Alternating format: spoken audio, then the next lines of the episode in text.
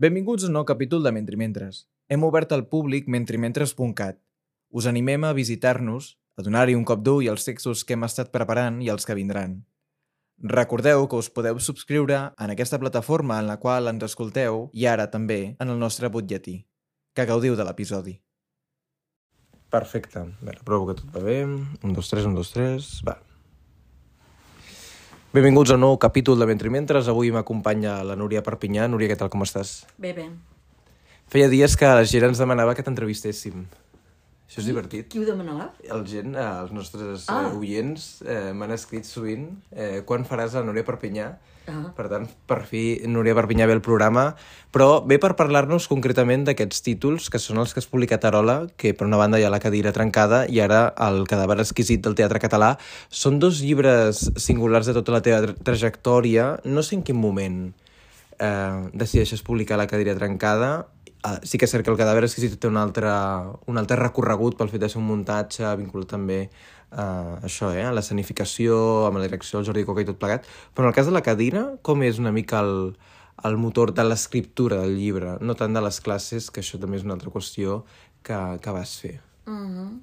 Bé, home, està bastant lligat a les classes, no cal dir-ho, però sobretot està lligat a, a doncs això, al, al meu amor pel teatre i, i el meu respecte i la meva admiració per, per la, la cultura catalana d'avantguarda, eh? Eh, reflectida no només en, les arts, en la música, en, en arts plàstiques i sobretot en el teatre, no? I això, doncs, ten, no sé, em feia gràcia de, de que la gent tingués reunida, no?, eh, els, alguns dels millors eh, dramaturgs eh, catalans, eh, en les, sobretot aquests, els més irracionals, no?, perquè n'hi ha d'altres, però trobo que amb això eh, Catalunya, el teatre català, està absolutament a l'alçada de, de qualsevol eh, avantguarda més, no?, teatral, sí. I en aquest cas, el fet de que hagis eh, ara publicat eh, el cadàver exquisit, m'imagino que era un compromís que venia vinculat a aquest muntatge que és del 2019, que està enregistrat a YouTube, que es pot consultar, la gent que vulgui pot consultar-ho. Uh, la motivació ara de publicar-ho una mica com va sorgir? Va sortir una conversa amb la gent d'Arola? Com va sorgir? Veure, eh, d'un va ben... És a dir, per celebrar, per celebrar el, la, la cadira trencada, doncs, eh, se'ns va ocórrer doncs, de, de reunir molt, molts dels dramaturgs i que ha eh, presents a la cadira trencada, molts dramaturgs que, que la majoria est, est, estan vius, no, no tots, però, és clar, molts estan vius. I, i no només doncs, els dramaturgs, sinó eh, l'única cosa que, que em sap greu de, que no, no he posat a la cadira trencada és també la participació dels actors, no? perquè els actors catalans doncs, doncs, poden estar a l'alçada la majoria de, dels actors britànics. No? Però, és clar, la cadira trencada està centrada en els dramaturgs, menys amb els directors, potser també directors de teatres n'hi ha alguns, els actors apenes. Bé, aleshores, per festejar, per fer la festa de la cadira trencada, doncs vaig convocar a, a molts dramaturgs eh, en, això, en actiu catalans, i, i per fer aquesta festa i no fer només una presentació del llibre, perquè és una cosa ja bastant avorrideta, etc etc, doncs em va córrer de fer una cosa concelebrada. I vam fer la cosa concelebrada, abans de la pandèmia, i, i la idea sí, ja era publicar-ho, perquè per això va venir fotògrafs, eh, etc i va vindre un equip audiovisual, el del Toni Vidal. Eh, el que passa és que va venir la pandèmia i moltes altres coses que han passat a l'any de mig, i el llibre s'ha endarrerit, eh, però, però, però en qualsevol cas estic molt contenta que, com els llibres eh, no passen de moda, eh, doncs això, no, no ve d'un any i sí, és, és, aquesta és la, idea. Uh -huh.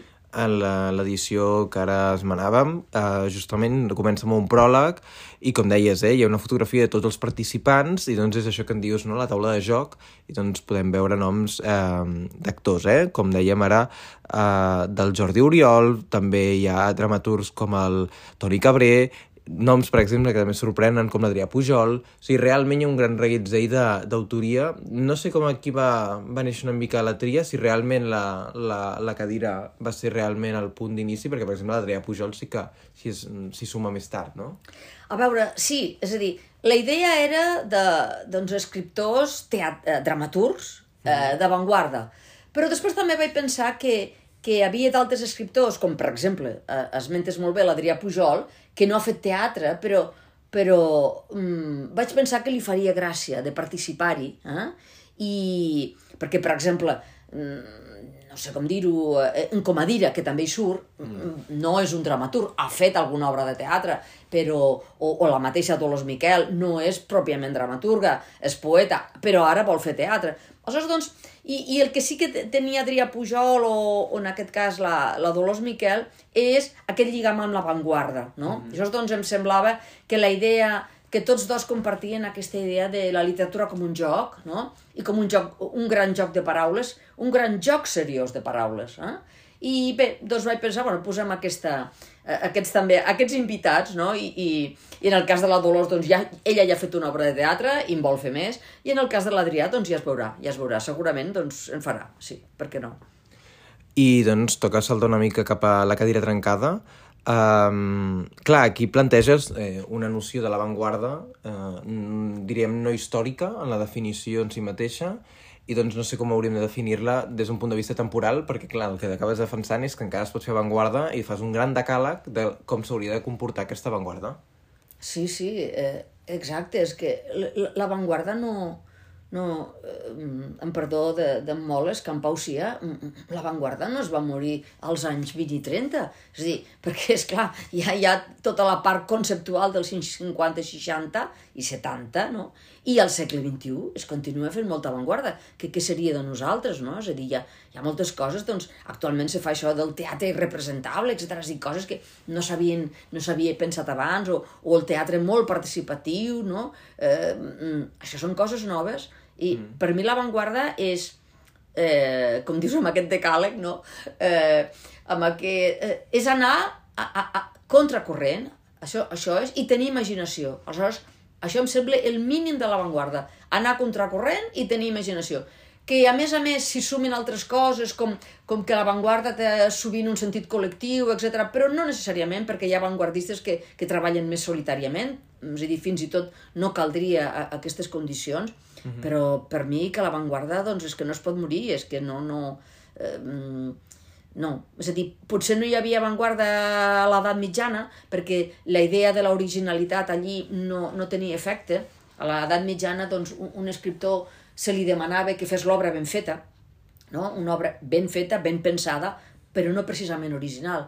Però mm, des, jo diria que des del romanticisme sí que a, a, aquest punt de l'originalitat de moment no s'ha mort, jo no sé què passarà al, al segle 3000, no? Mm -hmm. però, però pel que queda de segle XXI jo penso que anem per aquest camí, és a dir, que, que hi ha molts escriptors eh, en, que volen ser, doncs això, trencar les línies mestres, obrir camins, nous horitzons, mm? sí.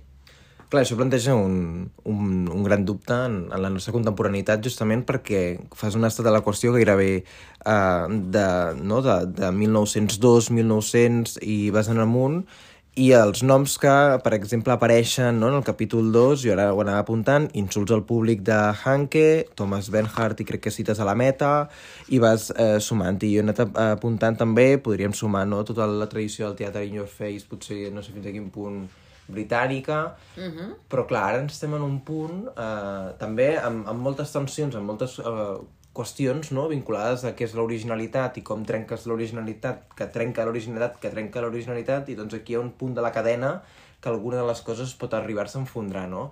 I cites molt també en alguns moments del Carles Batlle amb la qüestió del drama intempestiu, però el drama intempestiu a vegades tampoc s'acaba d'adaptar tot el que veiem en els escenaris a dia d'avui. I doncs no sé en aquest cas, eh, Núria Perpinyà, què en pensa una mica del que ens estem trobant com a tendències generals? Hi ha una espècie de regressió? Hi ha una tendència general a intentar superar l'avantguarda?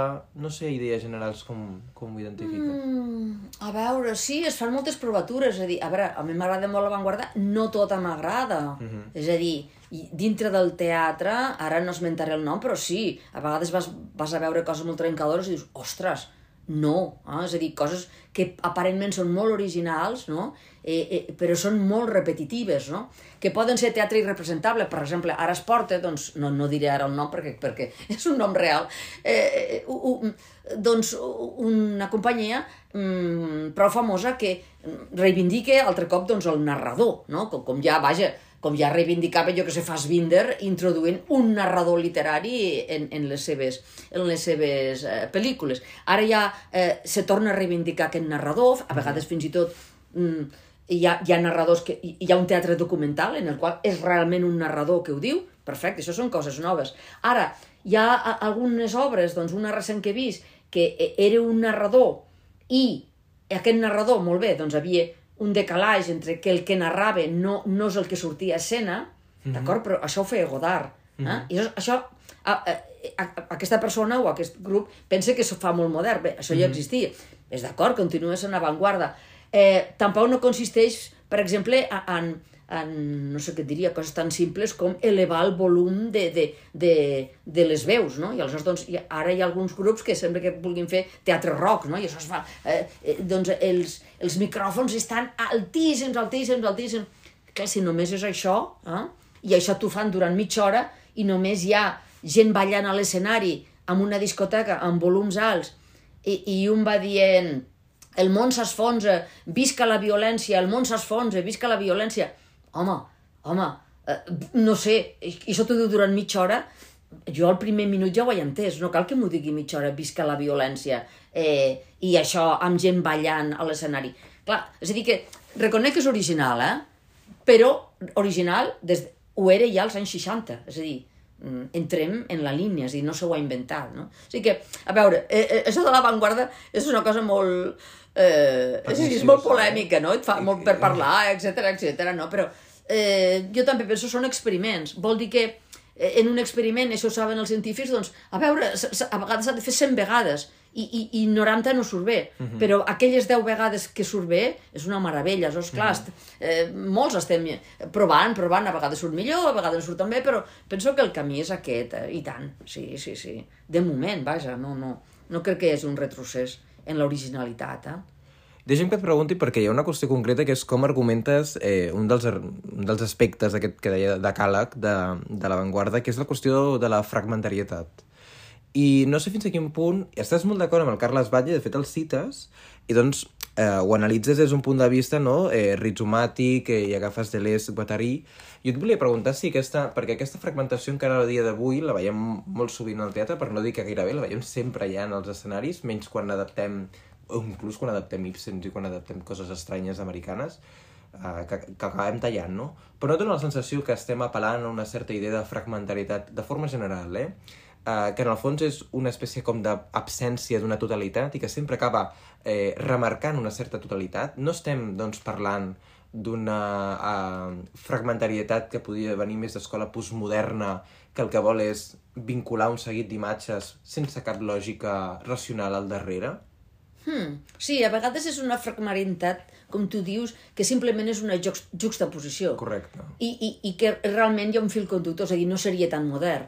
Mm. Perquè, de fet, l'estructura juxtaposada eh, eh, és la més tradicional de tot, perquè és la que tenim, doncs... Sí. Eh, la fragmentarietat pròpiament moderna és que actualment ja no és diríem, ni, ni, ni, ni la de Monet ni la de Warhol, perquè això havia una isotopia, havia, havia una cosa, una fil conductor.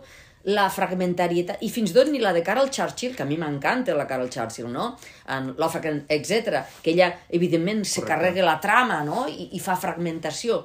Ara, la fragmentació més més moderna, com aquesta ja s'ha fet als anys 70 i abans, no? No cal dir, doncs eh, bé, aniríem a la Bíblia juxtaposada, eh, hauria de ser caòtica. Eh? És a dir, s'hauria de lligar fragments, però que, que no siguin, eh, doncs això, com el modernisme, que tots són fragments de rajola, no? I, i, mm -hmm. Sinó que eh, la fragmentació pròpiament dita, molt més moderna, hauria de ser molt més caòtica. Eh? Aleshores, a, a, a veure, a veure quin el, quin, quin és el lligam. I fins i tot en molt poc lligam. Eh?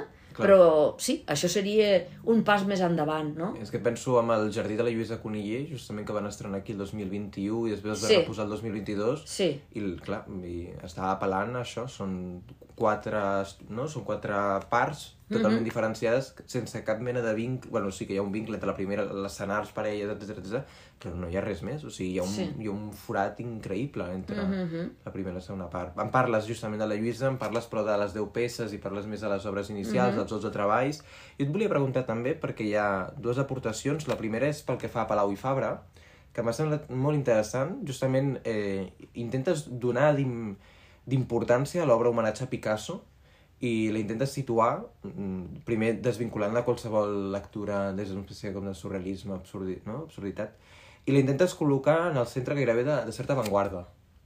Sí, sí, sí, jo trobo, en- amb això estaria a, a la vora del coca, que Palau i Fabra mm, ha estat mm, prou poc considerat, mm. eh? És a dir, jo no, no he parlat de les obres de teatre més realistes de Palau i Fabra, que és Don Joan, etc clar, perquè no m'hi encabia, no?, en la línia de, del llibre.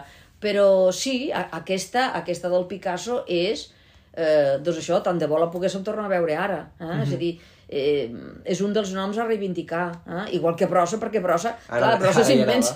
Brossa és immens, és a dir, a, apenes hem vist tan poques coses representades de Brossa, no? Eh, tantes accions que es podrien fer.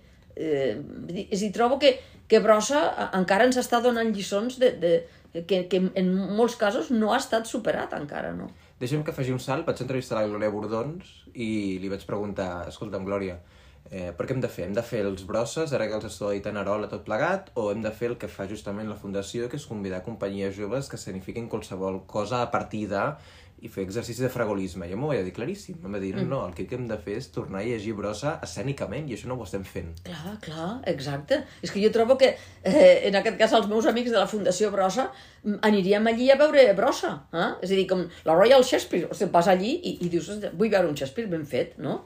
És clar, és clar, sí, sí.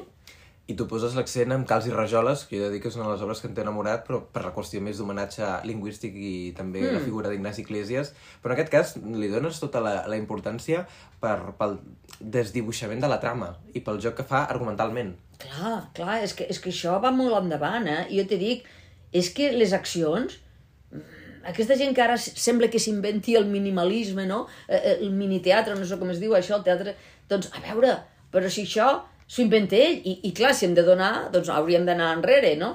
Malgrat tot li hauríem de dir a Marinetti, no, no, no, no podem dir que no, no? És a dir, és clar, hi ha coses del futurisme que encaixen perfectament en la nostra vida acceler accelerada. No, no la violència, com deia fa un moment, això evidentment eh, eh, s'ha d'erradicar, però sí altres coses, sí.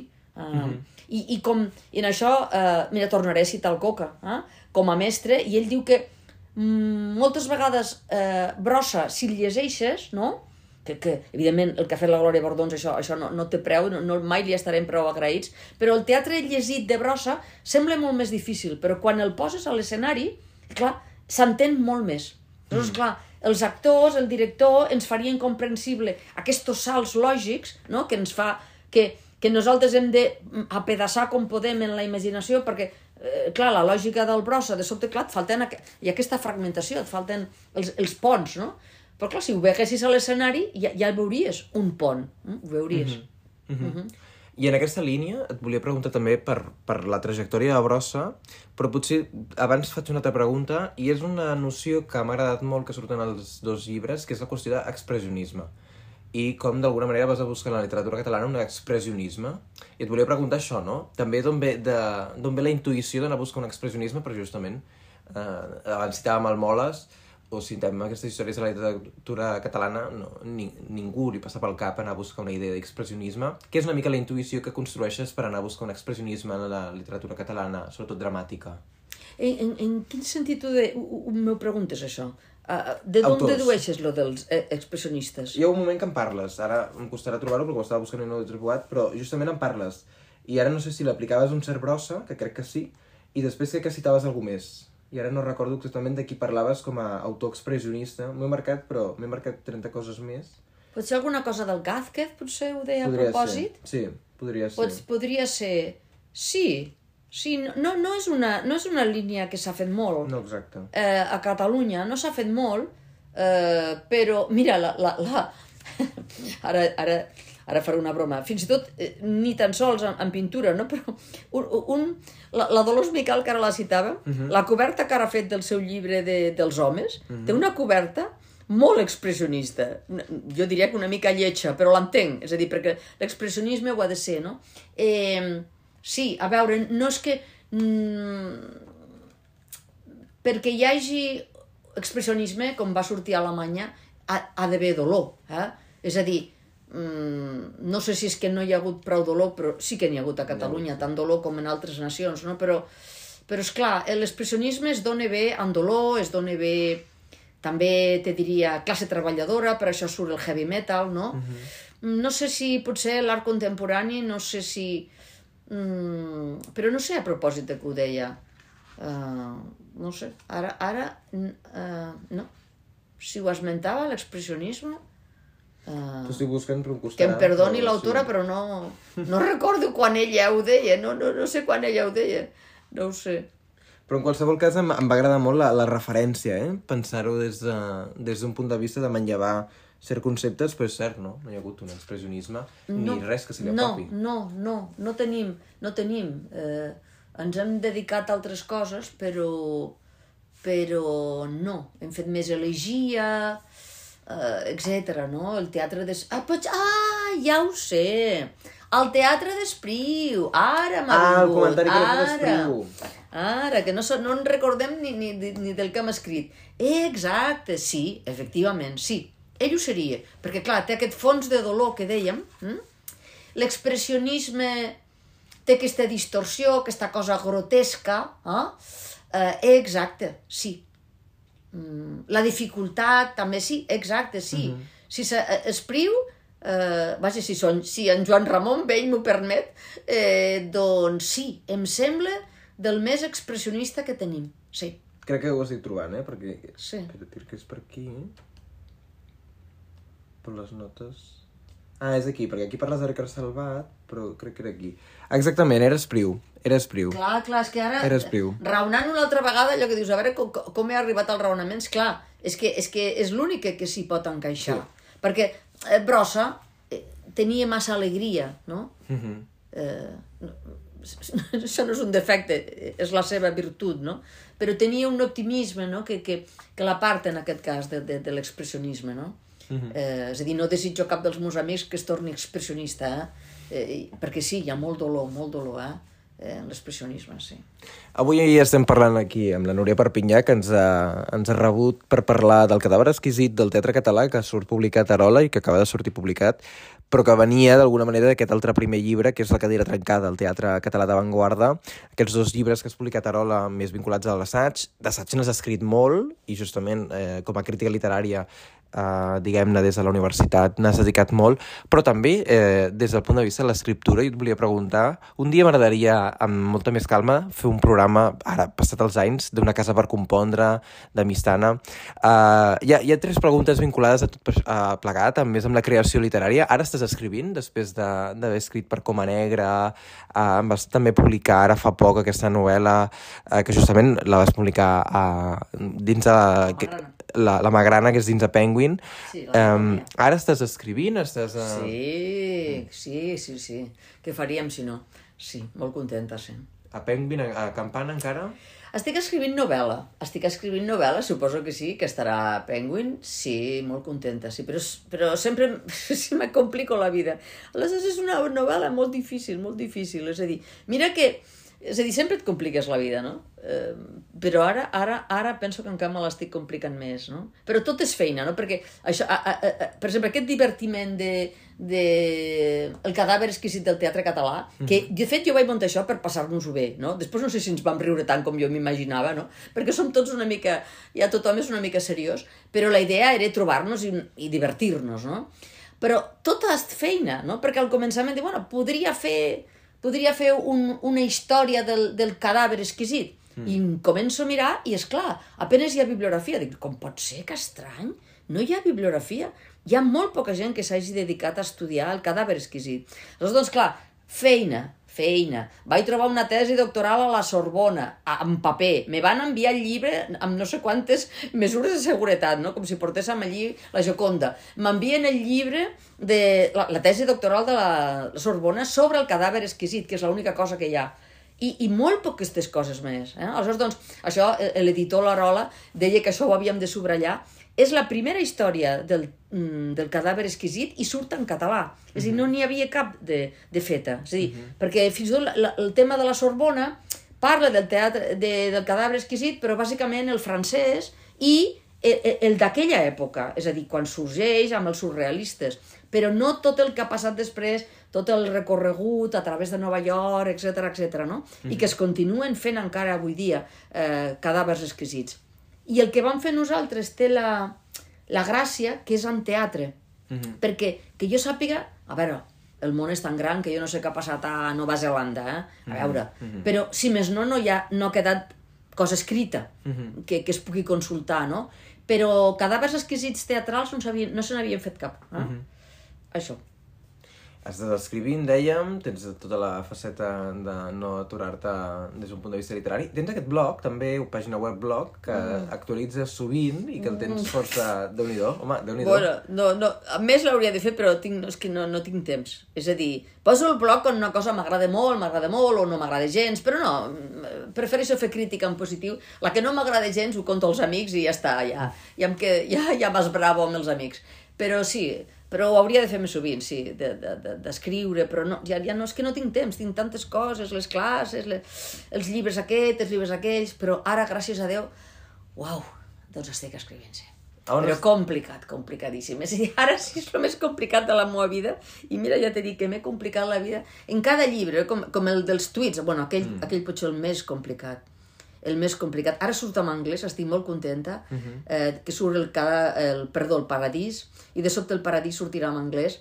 I clar, és que la gent se pensa que només hi ha 12 tuits. És que tot és tuits. Uh -huh. Tot, tot és tuits. Aleshores que hi ha milers de tuits. Milers, i per trobar aquests milers de tuits vaig haver de, de, de, de, de buscar, jo sé, com uns 10.000 tuits i triar-los. Uf, quina feinada! Quina feinada de tot. Però clar, jo me, se'm va posar la, la seva. Vull fer una escriptura col·lectiva. Escriptura col·lectiva al segle XXI, no? Com a l'Odissea, no? Que tant m'agrada. I vaig dir, ostres, doncs que escrigui tothom, no? Escrigui... Però complicat, complicat. Eh, però bueno, ara m'ho estic passant millor. És complicat, però més divertit, no? I fantasia, sí. Torno a la fantasia. La fantasia. Sí, sí, ara sí. Ara torna a la fantasia, sí. Però, però molt complicat. Bueno, ja ho veureu. D'aquí un any o dos, quan, Ja, ja, ja. quan ho acaba, porto un any, me penso un any o dos, no sé quants anys porto, i penso, però encara tinc feina, sí, tinc feina per un any o dos, sí, sí, sí. sí. A les classes encara fas de eh, docent? Ara Mhm. en fas de docent? Sí, sí, sí, faig una mica de teatre, teatre d'avantguarda, faig romanticisme aquest any, i, i això, introducció a la literatura... Sí, m'agrada, m'agrada Això a la fer classes. A la Universitat de Lleida, sí, sí, m'agrada m'agrada molt fer classes, la veritat. bueno, a veure, és que, clar, és compartir una cosa que t'agrada molt, que és la literatura, no? A- amb estudiants que estan allí perquè volen, llavors, clar, és compartir eh, això, les teves passions amb algú altre, està molt bé, molt bé. Sí. Des del punt de vista escènic, mm, va, bueno, vam poder veure aquest muntatge a la sala Beckett, que després Lleonard Montaner va, va editar el llibre, Uh -huh. Eh, estem parlant de cels canviants? Cels canviants. Ah, sí, Cels canviants, efectivament, està el Lleonard Montaner. Mira, demà el presento a Menorca, eh, els Cels canviants, i, i a Lleida, la setmana vinent, eh, con, eh, torna a estar al teatre, el tornem a posar a Messena. Sí, sí, sí, perquè bé, és, és poesia dramatitzada, mm. i sí, la veritat és que em fa il·lusió de, de veure... El, és a dir, quan fas un personatge i el veus així, ah, com parlen i, i el bé que, que ho diuen i en carn i ossos, és, sí, és, és molt, molt, molt emocionant, sí. Mm. Doncs amb moltes ganes de seguir-te ben atent, i si estàs ara escrivint, doncs esperarem que surti aquesta novel·la. No sé si sortiran més coses abans, en qualsevol cas estarem ben atents. Espero que no, espero que no hi hagi més interrupcions i, i em puga dedicar Exclusivament. completament a la novel·la. Això estaria bé, però no es pot dir mai, no es pot dir mai. Doncs Núria Perpinyà, moltíssimes gràcies avui per venir a Mentre Mentres. Mentre Mentres, que pel que he entès ja coneixes, perquè hi ha una part transcrita d'un programa nostre Sí, al blog, sí. justament, que el... M'ho va dir, el webmaster me va dir, ell me va dient, has sortit aquí, has sortit allà, no sé què, i aleshores, bueno, va dir, mira-teu això, i sí, sí, ens ho vam mirar i bé, bé. Molt bé.